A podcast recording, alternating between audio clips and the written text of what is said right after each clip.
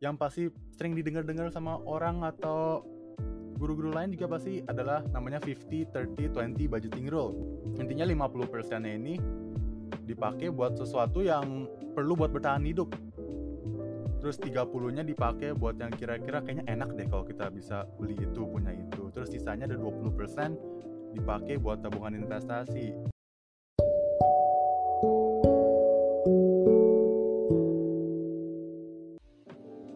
Pagi, siang, sore, malam, atau kapan pun Popo-Povi yang lagi dengerin podcast ini. Welcome back to Perfilma On View edisi Persus, tempat paling cocok untuk membahas hal serius. Di episode Persus kali ini akan dibawakan oleh gue, Gani, FAUI 2021 selaku host. Dan gue, Zelan, FAUI 2021 selaku co-host. Nah, Gan, uh, pada POV kali ini tuh ada yang baru nih, Gan, pada Persus ini. Jadi, tanyakan kita ngundang adalah dari internal IKM FAUI. Tapi pada persus kali ini dan seterusnya kita bakal ngundang dari instansi luar juga nih kan. Seru banget ya sih? menarik banget nih inovasi dari persus di Perfilma tahun 2022 ini. Menurut gue ini keren banget sih Zel. Nah, jadi persus perdana kita pada kali ini akan mengundang narasumber non FAUI. Nah, kira-kira sebelum itu ada yang bisa nebak nggak sih topik apa yang bakal kita bahas di episode kali ini? Um, kalau boleh ngasih clue nih, gue kasih aja kali ya buat Pova Povi pernah nggak sih kalau misalnya kalian pesen makanan tuh tapi pas lihat saldo malah ternyata kaget ternyata lagi kanker tetap kan kantong kering. Atau misal kalau pas lagi nongkrong tapi ternyata malah cuma bisa order minum doang karena dompetnya udah nipis. Nah di episode khusus kali ini kita bakal ngebahas topik yang penting banget nih buat mahasiswa kayak kita. Kalau misalnya bicaranya tentang mahasiswa tentang mata kuliah nggak sih Gan atau tentang kehidupan pasca kampus? Wah itu emang penting juga sih Zel harus dibahas tapi masih belum bener nih jawaban lo.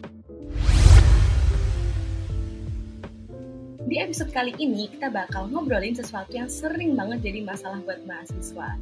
Apalagi sih kalau bukan masalah keuangan apalagi buat mahasiswa rantau kayak gue. Nah, di episode kali ini kita bakal ngebahas mengenai money management buat mahasiswa. Pas banget nih Gan, karena gue yakin nih gak cuma gue atau lo doang, pasti banyak dari lo, lo semua nih para mahasiswa yang ngalamin hal yang sama gitu. Kadang kita tuh nggak sadar pengeluaran kita tuh udah sebanyak itu. Kayak gue misalkan ngumpul nih sama teman yang pasti otomatis ngumpul tuh makan dong. Dan ketika gue lihat saldo aduh kok udah kekurangan banyak banget gitu. Nah itu kan sifatnya nggak terlalu penting gitu kan dan menurut gue itu sesuatu yang sangat urgent gitu buat mahasiswa apalagi untuk dibahas ya di sini di POV kali ini. Nah, maka dari itu Zel, kita bakal bahas nih di Persus kali ini gimana sih caranya buat ngatur keuangan biar bisa sesuai dengan budget kita sebagai mahasiswa. Sebelum kita lanjut nih bincang-bincang bareng narasumber kita, boleh kali ya kita kenalan dulu sama narasumber yang spesial pada hari ini. Di episode manajemen keuangan pada hari ini, kita akan ngobrol-ngobrol nih bareng narasumber dari Finance 40. Kita kenalan dulu kali ya sama instansinya, Nih, jadi Finance 14 ini adalah organisasi edukasi yang dibentuk oleh anak muda yang memiliki tujuan untuk meningkatkan literasi finansial remaja Indonesia. Organisasi ini dibentuk pada Agustus tahun 2021 yang memiliki visi untuk membuat semua anak muda cerdas finansial dengan mengajarkan topik pembelajaran keuangan pribadi melalui platform edukasi, kegiatan yang seru, dan juga komunitas yang berdampak positif kepada sesama.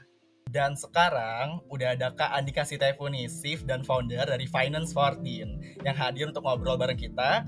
Pada Kak Andika mungkin boleh Kak kenal dulu nih kepada Pova-Povi kita. Wow, oke okay, oke. Okay. Pasti awal-awalnya makasih banget nih buat Gani sama Zela buat ngundang bareng aku buat bisa datang kan jadi narasumber sama ngundang juga Finance 14 jadi buat yang belum kenal aku bisa dipanggil aja Dika atau mungkin lebih singkatnya bisa dipanggil aja Dika nah aku emang lagi ngebuat organisasi yang fokus ke bidang edukasi keuangan. Soalnya ini emang topik yang pastinya hangat banget dan penting banget nih apalagi buat para para mahasiswa yang mungkin baru ngerantau yang mungkin baru mulai kuliah, mulai ngekos, mulai masuk ke dunia offline. Gimana sih kan? Caranya ngatur keuangan sama semua hal ini gimana sih? Mungkin masih ada yang bingung. Jadi emang ini kesempatan yang bagus banget sih buat kita buat belajar-belajar bareng Oke, thank you banget kan untuk perkenalannya. Nah, biar kita bahas lebih mendalam lagi nih mengenai money management, aku mungkin ingin bertanya beberapa hal dulu ya ke Kak Andika selaku narsum. Kalau menurut Kak Andika sendiri, gimana sih money management yang baik khususnya buat mahasiswa nih? Karena jujur aku pribadi yang ngerasain apalagi mau offline ya ngatur uang tuh susah banget. Apalagi untuk mengatur antara kebutuhan makan kebutuhan ongkos dan kebutuhan kuliah-kuliah lainnya. Nah bagi buat kakak sendiri gimana sih cara mengatur money management yang baik? Oke oke oke. Mungkin kita coba pilah dulu nih. Kita ngomongin tentang personal finance dulu tentang keuangan pribadi. Sebenarnya itu apa kan ya? Mungkin kebanyakan dari kita mungkin kita awal-awal awal bulan nih kita minum kopi Starbucks, makan mewah. Awal-awal bulan di akhir bulan akhirnya makan Indomie doang.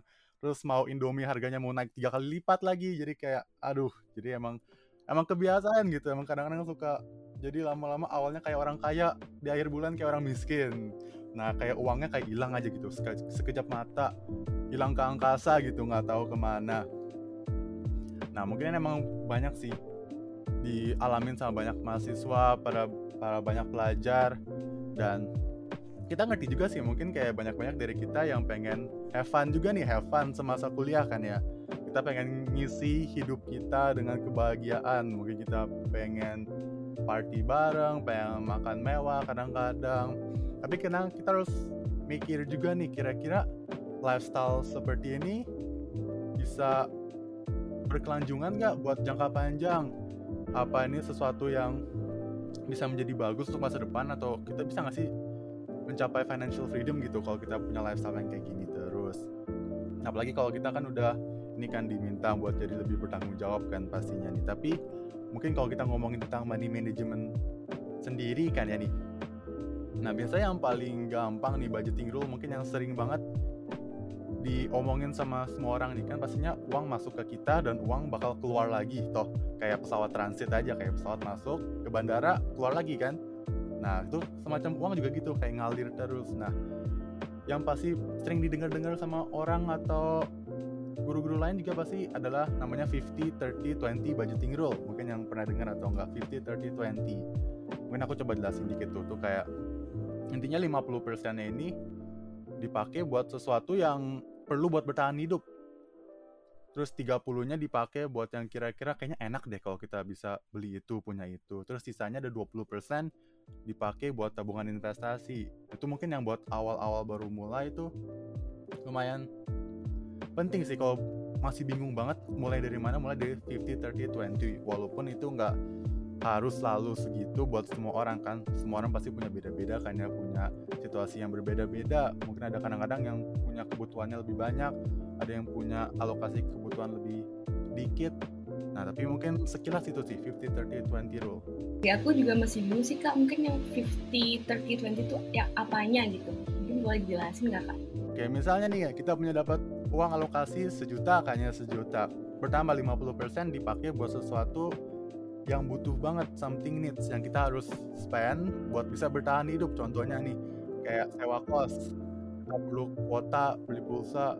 Kita butuh sekolah butuh makanan butuh air butuh kebersihan pakaian obat. Nggak habis-habis lah itu listnya. Itu yang benar-benar kita butuh buat bertahan hidup. Tuh 50% jadi kayak 500 ribu dipakai buat itu. Nah selanjutnya nih ada 30% 30% bisa kita pakai. Kita bisa panggil ini nice to have spendings atau wants gitu.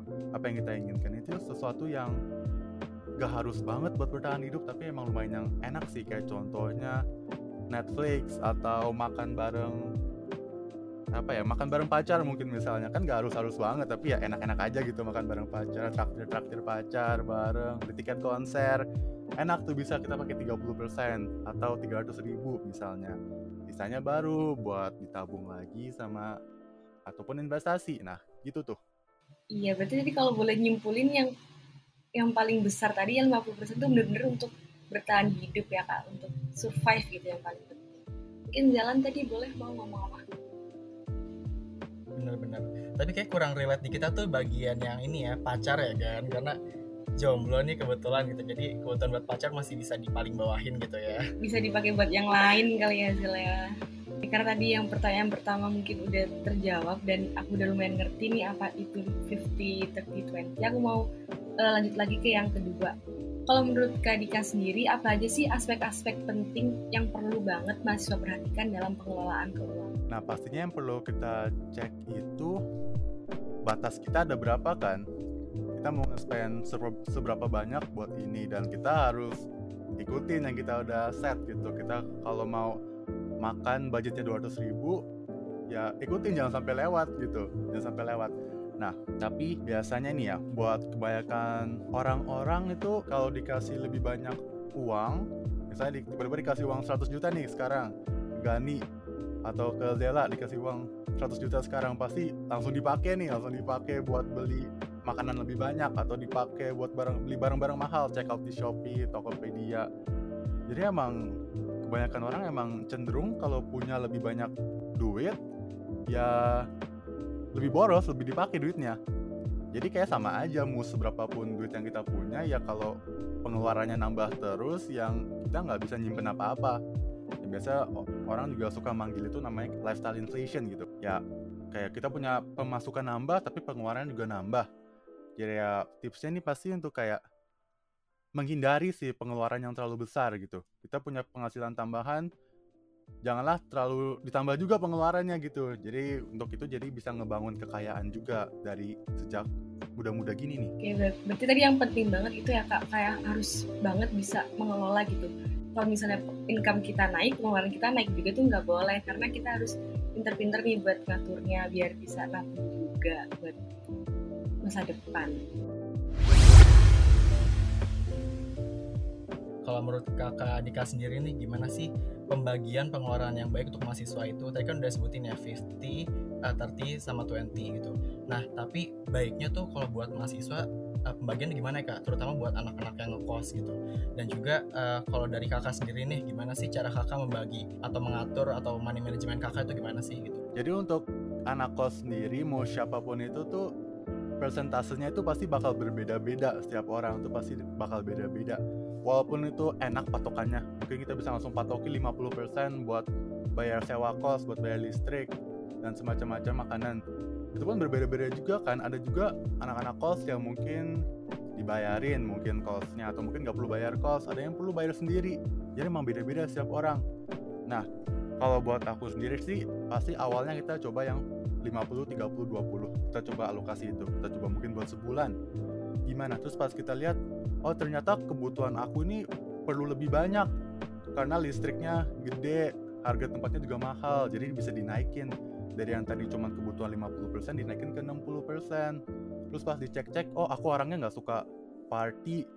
Jadi mungkin aku nggak perlu pakai kayak kemauan aku didikitin aja. Aku bisa nabung lebih banyak misalnya atau mungkin juga ada orang-orang yang nggak bayar sama sekali nih tempat tinggalnya. Jadi kebutuhannya murah. Bisa dibanyakin misalnya buat menabungnya atau investasinya. Jadi sebenarnya bervariasi banget sih setiap orang. Tapi 50 30 20 itu emang buat mulai. Mulainya dari situ.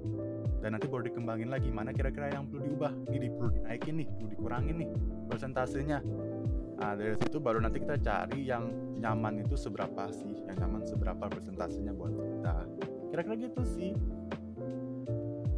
Oke oke. Tapi kalau dari kak Andika sendiri nih mungkin selama jadi mahasiswa gimana sih cara kakak ngatur keuangannya gitu? Boleh dong bagi tipsnya ke kita. Kalau dari aku sendiri sih aku make aplikasi sih pasti aku kalau orangnya emang rely banget sama aplikasi buat ngebantu aku buat nge-keep track sama semua apa sih aku hari ini beli apa aja? Nanti aku perlu alokasi budget apa aja yang aku aplikasi aku pakai ada namanya money Money Manager tapi kalian tinggal search aja di Google Play Store atau App Store pasti ada aplikasi. Nah aku sendiri misalnya aku udah set nih kalau dari aku sendiri aku kebutuhan aku lebih dikit.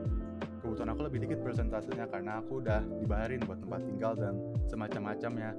Jadi aku lebih tinggi. Terus aku orangnya juga kurang suka nih kayak kurang suka beli barang baru yang kurang perlu atau kayak Netflix atau apa kurang suka. Jadi emang wants aku sama needs aku juga kecil persentasenya. Yang paling tinggi emang di menabung sama investasi. Nah anakku gitu tapi kan nggak semua orang juga nggak semua orang gitu kan beda-beda makanya.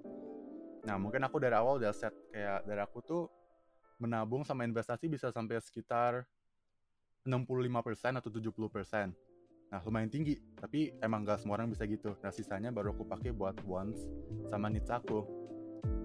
Nah terus kayak nanti kalau kita ada udah ada kita set kan? Oh jadi segini nih budgetnya segini. Berapa ratus ribu gitu buat bulan ini.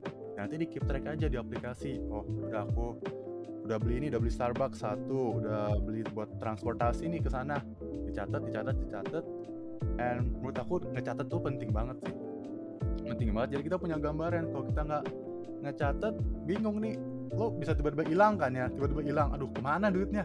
Kayak perasaan baru aja dapat duit nah emang penting banget buat ngecatat. Terus nanti kalau hilang nuduh ini ya kak. Nuduh body ngepet atau tuyul gitu. Ah iya bener banget. Malah nyalain yang lain. Makanya pas padahal yang harus dilihat diri kita sendiri kan ya. Kita refleksi diri apa sih yang bisa kita improve. Kita bisa mulai dengan mencatat aja gitu. kita mulai ngecatat. Simple itu sih. Oke mungkin lanjut aja nih itu kan tadi kesalahan pertama mungkin kesalahan pertama dari ma mahasiswa mahasiswa tuh kebanyakan orang dalam pengaturan keuangan kayak lupa udah habis buat apa aja. Nah aku mau nanya dikit nih kak. Kesalahan-kesalahan apa lagi sih gitu yang sering, sering banget dilakukan oleh mahasiswa dalam mengatur keuangan? Oke mungkin ini aku mau spill satu taktik nih ini satu taktik yang lumayan jitu nih buat dipakai tapi nggak banyak orang yang tahu taktiknya.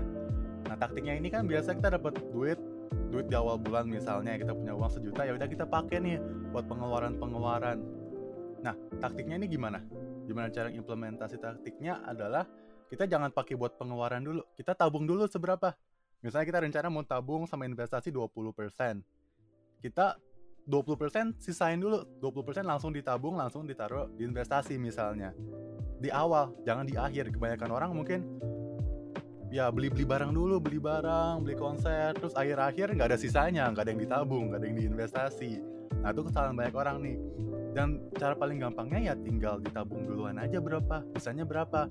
Mungkin 50 ribu 100 ribu terserah kita mau berapa. Yang penting kita tabung dulu di awal. Tabung di awal baru sisanya ini kita pakai-pakai. Itu pun kalau sampai habis juga nggak apa-apa. Kan toh kita udah nabung juga di awal. Gitu sih. Itu emang mungkin ini penting banget tapi nggak semua orang tahu ataupun implementasi kalau menurut aku sih. Oke, berarti ini poinnya tuh harus punya saving dulu ya kak biar tenang gitu. Emang sih kalau misalnya punya uang yang ditabung tuh kayak tenang aja kalau misalnya kalau misalnya ada sesuatu yang mendadak tuh pasti masih ada duit gitu, masih ada sisa yang dari yang kita tabung. Nah, kalau gitu aku mau nanya nih kak, e, nabung tuh sama nggak sih kak sama kayak kita punya dana darurat? Pertanyaan bagus sih itu. Mungkin ada sempat yang keliru ya mirip-mirip juga. Tapi kalau kita biasa ngomongin nabung tuh biasa kita punya tujuan kan ya. Tujuan kita nabung apa? Nah mungkin kayak tujuannya nabung Gani mau beli HP baru misalnya beli HP baru mau beli iPhone terbaru atau mau misalnya mau nikahan Aduh, gitu kan siapa tahu jauh mau ya nikahan kayaknya. Iya, oh masih jauh ya. Oke oke oke. Nah mungkin itu nabung ada tujuannya mau ke mana? Atau mungkin ada tujuan barang, tujuan apa? Atau kadang-kadang juga ada orang yang nabung ya buat se nabung aja ya, buat ngumpulin duit lebih banyak. Yang penting ada tujuannya dulu. Terus kira-kira juga jangka waktunya berapa lama gitu kan? Mau nabung nih. Aku mau nabung buat beli iPhone terbaru buat selama setahun terus setiap bulan aku bakal nabung segini ya tuh kira-kira nabung tuh nah terus kalau kita balik ke konsep dana darurat itu juga penting banget dan gak banyak juga yang punya. Apalagi buat mahasiswa, mahasiswa alasannya karena kita keseringan sama orang tua kita apa-apa mungkin bisa di provide sama orang tua kita. Kita perlu makan ya orang tua yang sediain. Jadi kita kayak kurang tahu nih kurang familiar sama dana darurat. Nah dana darurat ini mungkin buat ilustrasi nih misalnya ya kita udah nabung mahal mak. Kita nabung lama. Kita udah nabung buat iPhone ini iPhone terbaru. Udah selama kayak 12 bulan. Eh terus tiba-tiba ada kejadian yang nggak terduga nih. Misalnya tiba-tiba kita ada masalah sama motor kita. Motor kita nggak bisa gerak. Misalnya kita pakai motor nih atau mobil. Rusak nih. Jadi harus perlu duit kan? Mendadak kan? Ini kan nggak diprediksi. Nah jadi duitnya dari mana duitnya ya ngambil dari duit yang seharusnya dipakai buat beli iPhone malah dipakai buat benerin motor. Itulah di mana pentingnya dana darurat di mana dana darurat masuk. Jadi dana darurat ini pakai buat jaga-jaga nih. Jaga-jaga ada terjadi sesuatu kita punya dana darurat buat cover itu. Jadi tabungan kita investasi kita masih aman nggak kepegang sama sekali. Berarti kalau misalnya tabungan tuh bedanya kita ada tujuannya gitu mau pakai uang tuh buat apa. Dengan kalau dan dana darurat ya kayak duit nganggur aja gitu bisa kita pakai sewaktu-waktu kita butuh. Kalau lo ngomong-ngomong udah punya belum sih Zel dana darurat ini? Jujur nih belum ya kan karena kayak gue tuh masih ada di tahap foya-foya deh sekarang kan awal bulan ya. Aduh, sama Jadi banget belum ya. mikirin banget nih dana darurat. Itu baru kepikiran nanti si akhir bulan biasanya kan agak udah habis ya Zel menurut gue kalau akhir bulan baru mikirin dana darurat. Aku mau ngasih tips mungkin buat dana darurat perlu seberapa banyak gitu kan mikir mau siapin dana darurat perlu siapin seberapa banyak. Nah biasa buat mahasiswa ini bisa kita mikirin kita per bulan pengeluarannya berapa? Pengeluarannya berapa? Mungkin pengeluarannya kayak 500 ribu misalnya 500 ribu. Nah dana darurat yang cocok ini buat mahasiswa sekitaran jumlah pengeluaran kita tiga bulan 3 sampai 6 bulan. Jadi kayak misalnya kalau sebulan 500 ribu dana darurat kita harus bisa tiga bulan 1,5 juta misalnya itu kayak patokan aja patokan kayak pengeluaran kita dikali tiga misalnya gitu. Itu buat patokan kalau mau mulai siapin dana darurat. Dan itu bakal jauh lebih penting lagi pas kita udah, udah mulai kerja ataupun udah punya anak. Jadi harus kita siapin dari sejak masa mahasiswa nih. Udah punya mentality mindset buat siapin dana darurat. Kalau nggak nanti bisa kelabakan nanti pas udah di tahap selanjutnya pas udah mulai kerja tiba-tiba PHK terus jadi gembel tiba-tiba. Nggak bisa bayar apa-apa nggak bisa bayar kos nggak bisa ngapain. Jadi ya gitu sih ya, kalau mau mulai dana darurat. Oke, jadi gimana Zel udah kejawab belum gimana caranya buat dapetin dana darurat buat mulai gitu? udah sih cuma gue masih mau nanya nih kan kalau gimana ya cara kita menyisikan antara dana darurat sama dana tabungan? Soalnya kadang suka tipis gitu uh, kak bedanya. Emang suka bingung ya kan kadang-kadang ada yang suka gabung ada yang dibedain tapi menurut aku dibedain sih. Kita bikin dana darurat ini kayak sesuatu yang susah dikeluarin. Misalnya kalau kita taruh di rekening bank biasa kan kita bisa pakai sehari-hari toh nanti dana darurat yang seharusnya dipakai buat mendadak malah dipakai buat beli tiket nonton jadi kayak jangan ditaruh di sesuatu yang terlalu gampang gitu. Terlalu gampang buat dikeluarin. Nah contohnya ada beberapa orang yang suka masukin kayak ke instrumen investasi kayak ke reksadana. Kenapa ke reksadana ada namanya reksadana pasar uang. Karena itu selalu naik selalu naik dan butuh proses kayak dua hari tiga hari baru cair. Jadi nggak emosi kita nggak ke bawah gitu. Kita masih bisa mikir secara rasional. Tapi kalau menurut aku tips yang paling bagus sih ngepecah mungkin buat dana darurat sendiri bisa dipakai bisa ditaruh di di sesuatu yang kurang cair terus setengah lagi ditaruh di bank rekening bank misalnya. Nah kalau buat tabungan sendiri sih sebenarnya mau taruh di mana aja bebas. Kita mau taruh di rekening bank uang secara cash juga bebas. Tapi yang paling efektif sih kalau kita bisa taruh di instrumen investasi sih gitu kalau buat nabung. Kalau misalkan nabungnya di celengan ayam tuh masih bisa nggak sih kak? Soalnya kan tuh susah juga ya diambilnya. bisa dong bisa emang emang masih ada yang nabung di celengan ayam ya masih banyak ya kayaknya ya Kayak masih deh. Soalnya itu kan harus effort gitu kan. Hmm. Iya, bahkan kalau di TikTok tuh aku sering lihat kayak nabung tuh ada di apa ya, ada kayak di luar celengannya tuh ada kayak kertasnya gitu, kayak satu hari targetnya 5000 5000 terus dalam beberapa, beberapa jangka waktu kayak gitu. Itu sih biasanya kalau buat mau targetin mau bisa sesuatu. Kita ada yang namanya mitos dan fakta nih kak. Ini namanya ini games dari kita. Nah mungkin sebelum aku masuk ke games nih kira-kira udah siap belum sih kak mau main games bareng kita? wah boleh boleh boleh siap ayo dong ayo kita main game bareng Oke, ya karena udah semangat banget nih sebelum main game, sebenarnya pasti ada rules-nya ini kak. Aku mau bacain dulu rules-nya. Jadi nanti aku atau Zelan akan menyebutkan suatu pernyataan yang kayak merupakan rahasia umum gitulah yang udah diketahui banyak orang. Terus eh, nanti Kak Dika bisa jawab aja kalimat itu dengan nyebutin mitos atau fakta gitu. Buat konfirmasi apakah pernyataan tersebut benar atau salah. Nah setelah pernyataannya habis, nanti kita bakal tanyain nih kak kenapa alasannya milih mitos atau kenapa milih fakta. semoga pertanyaannya nggak terlalu susah ya Enggak kak, nggak susah kok ini. berasa ujian ini Bukan bukan ujian nih, bukan simak. oke oke oke oke oke siap siap Ayo. Zel, coba. Oke. Kalau gitu langsung masuk ke yang pertama aja ya. Yang pertama ini aku bacain ya. Mitos atau fakta kalau manajemen keuangan sama dengan manajemen gaya hidup. Oke, kalau menurut aku fakta karena mereka ada korelasinya. Oke, nanti jawabnya uh, Oh beri iya. keterangannya selain ya kak. Oke. Oke. Lanjutkan. siap. Oke, yang kedua nih kak, mitos atau fakta kalau misalnya tabungan itu lebih baik disimpan di bank konvensional daripada disimpan sendiri. Menurut aku fakta juga. Oke, lanjut. Mitos atau fakta kalau lembaga pembiayaan seperti pinjol, Shopee Paylater, GoPaylater itu harus dihindari. Aduh, ini pertanyaannya emang sulit-sulit ya, soalnya emang berdasarkan berdasarkan kemampuan pribadi untuk nggak salah menggunakan. Tapi menurut aku uh, mitos. Oke. Boleh dong Kak, kalau gitu kita langsung lanjut aja ke ininya, pembahasannya. Kalau yang pertama boleh dong Kak dijelasin kenapa fakta kalau manajemen keuangan sama dengan manajemen gaya hidup.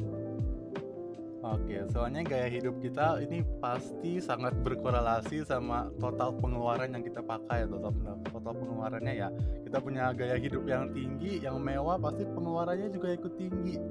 Jadi mau nggak mau ya gaya hidup ini yang punya sama aja kayak juga nge-manage keuangan kita. Kita mau manage keuangan kita ya kita juga sekalian nge-manage gaya hidup kita.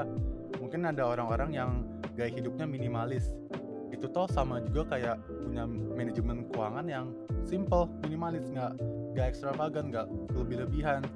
Nah jadi emang ada korelasinya itu kan manajemen keuangan ya juga nge-manage gaya hidup kita. Oke, jadi jangan sampai kayak besar pesak daripada tiang gitu ya kak.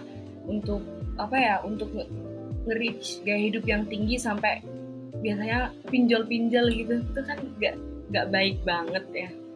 Tadi jawabannya fakta juga nih. Kalau misalnya tabungan itu lebih baik disimpan di bank konvensional daripada disimpan sendiri. Kenapa tuh kak jawabannya fakta? Oke, mungkin untuk tabungan sendiri kenapa di bank konvensional lebih enak? Mungkin beberapa juga ada di bank mungkin uang kita bakal lebih aman. Mungkin kita terjamin ke uang kita bakal kembali. Kalau kita simpan sendiri nih, mungkin simpan sendiri di dompet atau di mana gitu. Takut kadang-kadang bisa hilang kan ya. Bisa hilang atau kecompetan gitu kan kan kadang-kadang suka orang kecompetan agak teledor uangnya hilang nah nah mungkin di bank konvensional emang penting nih buat kita bisa simpan, uang kita di situ nah terus juga sebenarnya selain itu juga ada sih yang lebih bagus misalnya kan juga banyak kan sekarang yang pada taruh uangnya di misalnya kayak e-wallet, e-money gitu-gitu juga atau mungkin juga ada yang taruh tabungannya kayak yang di instrumen investasi. Nah, menurut aku mah yang mana aja bisa, tapi menurut aku yang berbasis digital mungkin bisa lebih aman sih. Oke, karena emang kalau misalnya di bank-bank tuh harus ada itu ya kak, kayak kita mikirnya kayak terjamin gitulah daripada kalau kita simpan sendiri. Oke, mungkin lanjut aja nih yang pertanyaan Iya. terakhir. Eh, mitos atau fakta kalau lembaga pembiayaan kayak pinjol, Shopee Paylater harus dihindari. Tadi jawabannya mitos. Kenapa ya kak? Soalnya kalau dari aku sendiri, aku mikirnya tuh fakta karena emang harus dihindari gitu, karena bisa bikin adiktif gitu ke kita. Kalau dari Kak Dika sendiri, kenapa nih jawabannya mitos? Oke, mungkin aku mau bilang sesuatu nih kayak kan pasti yang punya nyediain layanan itu kan pasti mereka mau dapat untung juga kan. Pasti mereka mau profit dari kita dari kita kita. Nah dan biasa banyak kan apalagi anak-anak muda sekarang yang kurang ngerti nih tentang cara manage ngutang gimana. Mereka kebanyakan kalau ngutang eh malah kelilit toh bunganya gede jadi harus bayar bertambah bertambah bertambah. Jadi kayak malah gak enak hidupnya kelilit utang mulu. Nah itu yang mereka mau itu yang bang mau. Tapi kalau kita bisa gak kelilit utang gimana? Kan kita kalau ngomongin utang juga terbagi dua nih. Ada juga yang utang produktif utang konsumtif. Mungkin utang konsumtif konsumtif itu yang kita ngutang kita ngutang misalnya ke pay letter buat beli apa gitu. Kita beli makanan gitu kita beli makanan kita beli tas baru gitu gitu itu utang konsumtif. Tapi juga ada utang yang produktif. Contohnya nih kita ngutang misalnya beberapa juta buat dipakai buat bikin kos-kosan. Kita bikin bisnis kos-kosan. Nah bisnis kos-kosannya sendiri ini punya pendapatan juga punya income juga ngasilin duit juga. Ngasilin duit juga terus dari duit yang kita dapat ini dipakai buat bayar ngutangnya. Nah orang-orang jadi tuh kayak suatu taktik juga kayak kita bisa mulai dari nol. Kita bisa ngutang aja. Kita ngutang bikin bisnis yang bisa bikin kita cash flow kita bayar utangnya kita dapat duit dari bisnis kita yang udah kita pinjam dari cash flow ini. Tapi nggak semua orang bisa dan nggak semua orang ngerti caranya gimana. Jadi kebanyakan malah kelilit aja terus. Mungkin untuk yang nggak ngerti sama sekali lebih baik untuk dihindari dulu aja. Dihindari dulu di ngertiin dulu baru kalau mulai ngerti cara makainya gimana cara bisa kita pakai utang untuk keuntungan kita baru kita mulai ngutang kira-kira gitu